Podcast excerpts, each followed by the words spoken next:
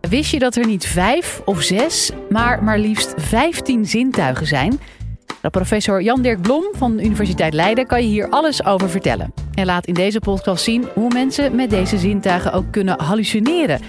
Dus ben je een beetje klaar voor een trippy college?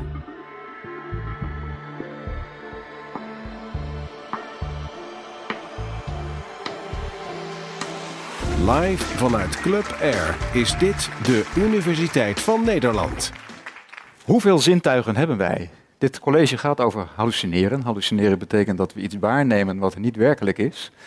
En dat kunnen we in al onze zintuigen. Je kunt dingen zien, horen, proeven, ruiken, voelen, die er in werkelijkheid niet zijn. En sommige mensen zeggen dat uh, er misschien wel zes zintuigen zijn. En deze film die gaat over een jongetje dat in staat is om de aanwezigheid te voelen van overleden mensen.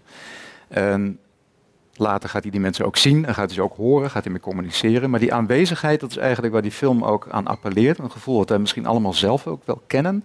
Ik ken het in ieder geval, ik ben wel eens thuis en dan heb ik het gevoel, er staat iemand achter de deur. Ik had als kind wel het gevoel, er ligt iemand onder mijn bed. Nou, dan is natuurlijk de vraag, heeft dat nou met iets bovennatuurlijks te maken, zoals ze in de film ook suggereren? Gaat dat over een geest of een entiteit die in je huis aanwezig is en waar je de aanwezigheid van voelt? Um, om daar iets over te zeggen is misschien goed om je te realiseren dat zoals wij hier bij elkaar zijn, ervaren wij ook elkaars aanwezigheid. Het is een verschil of je mensen daadwerkelijk in hun leven meemaakt, of dat je bijvoorbeeld naar een televisiescherm zit te kijken waar gewoon een film wordt afgedraaid. Dat geeft een heel ander gevoel. Nou, dat gevoel dat wij elkaars aanwezigheid ervaren, dat kun je ook hebben zonder dat er iemand in de buurt is. Er is een heel boeiend experiment van Michael Persinger, dat is een collega van mij uit Canada. Die heeft een uh, apparaat ontworpen, of eigenlijk heeft een technicus in zijn lab dat gedaan. De technicus die heet Stanley Coran. En dat apparaat wat ze hebben ontwikkeld, dat wordt de Coran Helmet genoemd, of de God Helmet. En het experiment wat ze daarmee al jaren achter elkaar hebben gedaan, dat is dat ze proefpersonen in hun lab uitnodigen, gewoon gezonde mensen. En die zetten ze die helm op. En aan de binnenkant van die helm daar zit een apparaat dat geeft magneetpulsen over de parietaalkwap van het brein. En die mensen die meedoen aan het experiment, daarvan zegt 80% ik ervaar de aanwezigheid van iets hier in de ruimte. Dat is natuurlijk al heel bijzonder. En mensen gaan het inkleuren al naar gelang hun culturele en religieuze achtergrond. Dus mensen met een christelijke achtergrond die zeggen ik voel de aanwezigheid van Jezus, ik voel de aanwezigheid van God. Mensen met een islamitische achtergrond zeggen ik voel de aanwezigheid van Mohammed of Allah. Mensen vullen dat zelf in, maar 80% is natuurlijk veel. Persinger die heeft dat experiment als basis genomen voor zijn theorie dat eigenlijk al die verhalen van mystici die we kennen uit religieuze geschriften en uit de geschiedenis van mensen die zeggen ja ik heb de aanwezigheid van God ervaren, ik heb contact met God, dat dat eigenlijk gewoon gaat om prikkeling van het brein. En die zegt ja, daar gaat eigenlijk alle mystiek. Daarop hebben de theologen natuurlijk weer gereageerd en gezegd: ja, als God contact wil maken met een mens, wie weet gaat het wel via de parietaalkwap, weten wij veel. Maar dat wil niet zeggen dat God niet bestaat. Dus dat is een discussie, daar gaan we niet uitkomen. Um, ik werk zelf als hoogleraar, maar ook als psychiater in een psychiatrisch ziekenhuis. En daar ontmoet ik veel mensen die hallucineren. En um, om al die hallucinaties in kaart te brengen, hebben we aan vijf of zes zintuigen niet genoeg. En hebben we er eigenlijk vijftien nodig. Op school leren we allemaal dat we vijf zintuigen hebben. We hebben ze net allemaal opgenoemd. En um, sommige daarvan zijn heel bijzonder. Als we nog even binnen die groep van vijf blijven, ik kan me nog goed herinneren dat ik uh, in het eerste jaar dat ik als arts werkte in ons ziekenhuis, dat ik een patiënt uh, te spreken kreeg. En die moest ik vragen wat voor stemmen hij had. Het was voor een, voor een stemmeninterview. En we vroegen, dat doe je eigenlijk altijd als mensen hallucineren, heel netjes uit van uh, wat zijn dat dan voor stemmen? Hoor je dat binnen je hoofd? Hoor je het buiten je hoofd? Um, hoe ervaar je dat? Zijn het mannenstemmen, vrouwenstemmen? En deze man zei, ik hoor het hier. En ik zei, wacht even, dat, dat, begrijp ik niet. Hoe kun je dat nou hier horen? Het is buiten uw hoofd? Ja, het is buiten mijn hoofd. Het is hier. Maar hoe kan dat nou? Is het dan zoals wanneer je je buik hoort rommelen en dat je het dan via je oren hoort? Hij zegt, nee, het is net alsof hier een oor zit. Alsof ik het hier echt hoor. Nou, ik vond het natuurlijk heel opmerkelijk. Ik, ik, kende het fenomeen niet. Ik heb het wel altijd onthouden.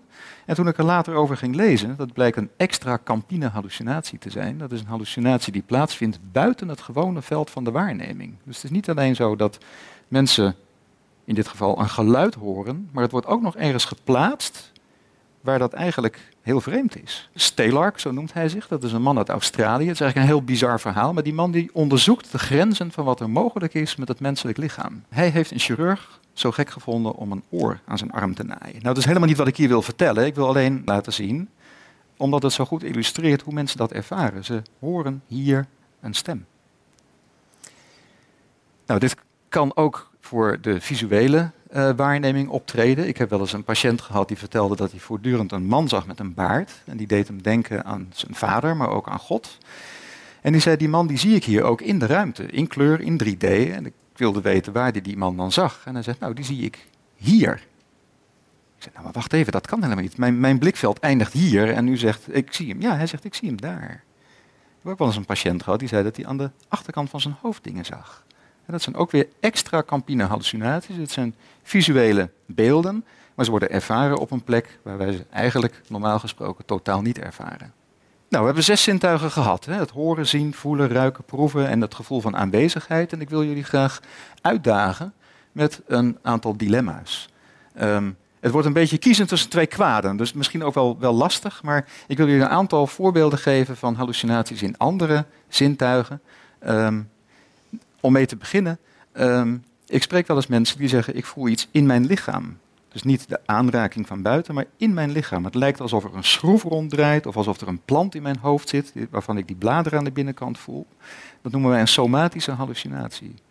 En ik heb ook wel eens mensen die zeggen: Ik heb het gevoel dat mijn arm gekromd is, terwijl die in werkelijkheid recht is. Dat noemen wij een proprioceptieve hallucinatie, een hallucinatie van de houding.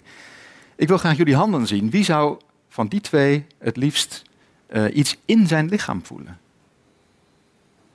Dat zijn er een paar. En, en hoeveel mensen zouden dat met die arm willen voelen? Dat je eigenlijk je eigen houding niet goed weet. Ja, dat zijn er meer. Dat binnen in je lichaam is griezelig, hè? Nou spreek ik ook mensen die zijn alle gevoel voor tijd kwijt. Als je die gewoon in een kamer laat zonder een horloge of een klok, dan hebben ze na vijf minuten al het gevoel: ik heb de lunch gemist en, en, en is niet mijn hele dag al voorbij en help, moest ik niet ergens naartoe. Die hebben geen gevoel voor tijd. De tijd tikt weg op onze klok of een horloge, maar de tijd wordt ook beleefd door ons. En ik heb wel eens iemand gesproken die zei: de tijd loopt achteruit. Zou je dat nou liever hebben, of zou je liever hebben dat je warm als koud aanvoelt en koud als warm? Nou, dit is een hele bijzondere. Alle impulsen in ons lichaam die wij voelen en ook alle waarneming van uh, zaken uit de buitenwereld, die tellen op tot een gevoel van lichamelijke identiteit. Die maken dat ik mij voel zoals mijn lichaam er ook uitziet. Maar er kunnen hele bizarre dingen in misgaan. Ik spreek in mijn ziekenhuis mensen die het gevoel hebben dat ze in een hondenlichaam zitten. Dat ze in een wolf zijn veranderd. We hebben één iemand gehad die had het gevoel dat hij een kat was. Een ander die dacht dat hij een vogel was. Dat gaat natuurlijk ontzettend ver. Zou je dat willen? Of zou je willen meemaken dat je last hebt van seksuele hallucinaties? Dat wil zeggen dat je seksuele aanraking voelt, of orgastische gevoelens, of seksuele opwinding, op momenten dat dat totaal, totaal niet toepasselijk is. je staat bij een zebrapad en je hebt het gevoel dat je klaarkomt. Ja, het klinkt heel grappig, maar ik ken dus mensen die dat hebben. En dat is heel erg naar. Die schamen zich daar ook enorm voor. Die praten daar niet graag over. Iets dichter bij huis. We kennen allemaal de duizeligheid. We zijn allemaal wel eens duizelig. Hè? Dat betekent dat je eigenlijk je positie ten opzichte van de omgeving niet goed inschat. Dat is een probleem van het middenoor, van het evenwichtsorgaan. Maar in het brein wordt het signaal verwerkt. En als daar iets misgaat, dan noemen we dat een vestibulaire hallucinatie. Je voelt je dan duizelig. Zou je dat willen meemaken? Of zou je het gevoel willen hebben dat je zweeft of vliegt, terwijl je eigenlijk stilstaat? Nou, dan hebben we de somatische, proprioceptieve, tijdshallucinaties, temperatuurshallucinaties, de synesthetische hallucinaties. Dat is van het gevoel van lichamelijke identiteit. De seksuele, vestibulaire en kinesthetische gehad. En waar komt het nou allemaal vandaan? Nou, ons brein is zo ingericht met al die zintuigen dat we informatie over de omgeving kunnen verzamelen. Maar dat brein gaat er ook zelf actief mee aan de slag. En soms zijn er gebieden in het brein die actief zijn zonder dat er bijpassende input is. En dan hallucineren wij. Het komt heel veel voor, maak u daar ook geen zorgen over. Er zijn hele volkstammen die wel eens een keer een stem horen, een geluid horen. Ik heb zelf, sinds ik vader ben, zeker toen onze kinderen klein waren, heel vaak de stem van mijn kinderen gehoord. Dan hoor je opeens papa, papa en dan denk je, nou ik ga even naar beneden, ze roepen mij en uh, ze zitten gewoon rustig te spelen of ze zijn daar niet eens, ze zijn met mama mee. Um, je hoort die geluiden. Nou, evolutionair is het natuurlijk wel goed om een beetje vaker de stem van je kinderen te horen dan om een paar keer te missen als ze je juist nodig hebben. Dus het is helemaal niet zo erg om dat te hebben. Um, over de visuele en de akoestische hallucinaties, dus het zien en het horen, daar is ook heel veel scanonderzoek gedaan. Dan weten we eigenlijk vrij goed welke gebieden in het brein daarbij betrokken zijn. Voor andere hallucinaties is nog een hele lange weg te gaan. We hebben nu 14 uh, verschillende zintuigen gehad en er is nog één, dat is de pijn. Daar zal ik niet lang bij stilstaan, maar ook pijn is iets wat voor een deel een subjectieve component heeft en waarvan in het brein een signaal kan optreden dat het doet lijken alsof de hand beschadigd is, maar dat is in werkelijkheid niet zo. Soms treden hallucinaties ook op in meerdere zintuigen tegelijk. En dat kan synchroon lopen of juist niet. Ik heb ooit een patiënt gehad die zag steeds een scherm voor zich geprojecteerd. En daarop zag je allemaal taferelen van zijn middelbare school. En tegelijk hoorde hij een radio. Dat past niet bij elkaar, maar het is wel in meerdere zintuigen tegelijk. Een historisch voorbeeld van iemand die dat heel netjes geïntegreerd had, dat is Ludwig Staudenmayer. Dat was een uh, hoogleraar chemie in Duitsland, die uh, zelf op latere leeftijd psychotisch werd en die zichzelf ontmoette op straat. Die zag gewoon zichzelf en kon ook met zichzelf praten. Die zag ook andere mensen verschijnen die tegen hem praten. Um, hij liep op een gegeven moment, dat schreef hij in een van zijn boeken, liep hij over straat en dan zag hij tegelijk zijn eigen bewegingen in drie kopieën herhaald worden.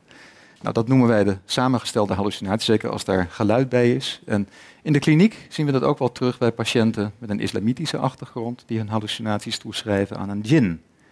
En een djinn is volgens de Koran een geest die door Allah is geschapen. En mensen met een islamitische achtergrond die stemmen horen, die denken vaak dat is zo'n geest, die doet dat. En dan horen ze hem niet alleen, maar ze zien hem ook. Ze ruiken de stinkende adem, ze voelen dat hij hen aanraakt, ze voelen dat hij in hen komt. Dat is het idee. Alle bagage die we bij ons dragen, die speelt mee bij het vormen van dit soort verschijnselen. Um, neurotransmitters, boodschapperstoffen in het brein, hormonen kunnen daar ook een heel belangrijke rol bij spelen. En um, dat kan allemaal in gang gezet worden door psychische ziekten, neurologische aandoeningen, allerlei zaken die met het hoofd misgaan, gebruik van drugs, maar het kan ook gewoon spontaan optreden. Het is lang niet altijd iets om je zorgen over te maken. En het is zeker niet altijd een teken dat je schizofrenie zou hebben. Schizofrenie is een concept wat ook wat problematisch is. We zijn op het moment bezig met heel veel onderzoek om te proberen daar dat eigenlijk onder te verdelen, onder te verdelen in um, allerlei ziekteentiteiten waar we beter zicht op krijgen. Maar 1 op de 100 mensen in de algemene bevolking krijgt nog steeds een diagnose schizofrenie van de psychiater.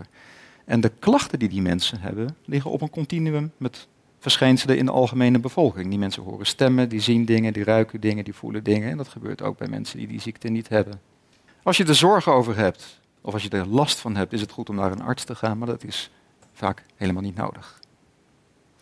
Het antwoord op de vraag is: hallucineren kan met alle zintuigen. En we spreken van, van 15 zintuigen, hè, waaronder die tijdsbeleving en die temperatuur, al die andere zaken die we hebben genoemd, omdat vijf gewoon niet genoeg is om de menselijke waarneming in al haar rijkdom te beschrijven. Niet iedereen realiseert zich dat er zoveel zintuigen te beschrijven zijn. Dus het is ook goed wanneer je in de hulpverlening zit om daar gericht naar te vragen bij mensen. Je krijgt vaak veel meer te horen dan wanneer je het houdt bij een paar van die zintuigen. Of we een zesde zintuig hebben, zoals in die films wordt bedoeld, dat we de aanwezigheid van geesten kunnen voelen, die vraag kan ik niet voor jullie beantwoorden. Wil je nou meer afleveringen van de Universiteit van Nederland horen? Check dan de hele playlist en ontdek het antwoord op vele andere vragen.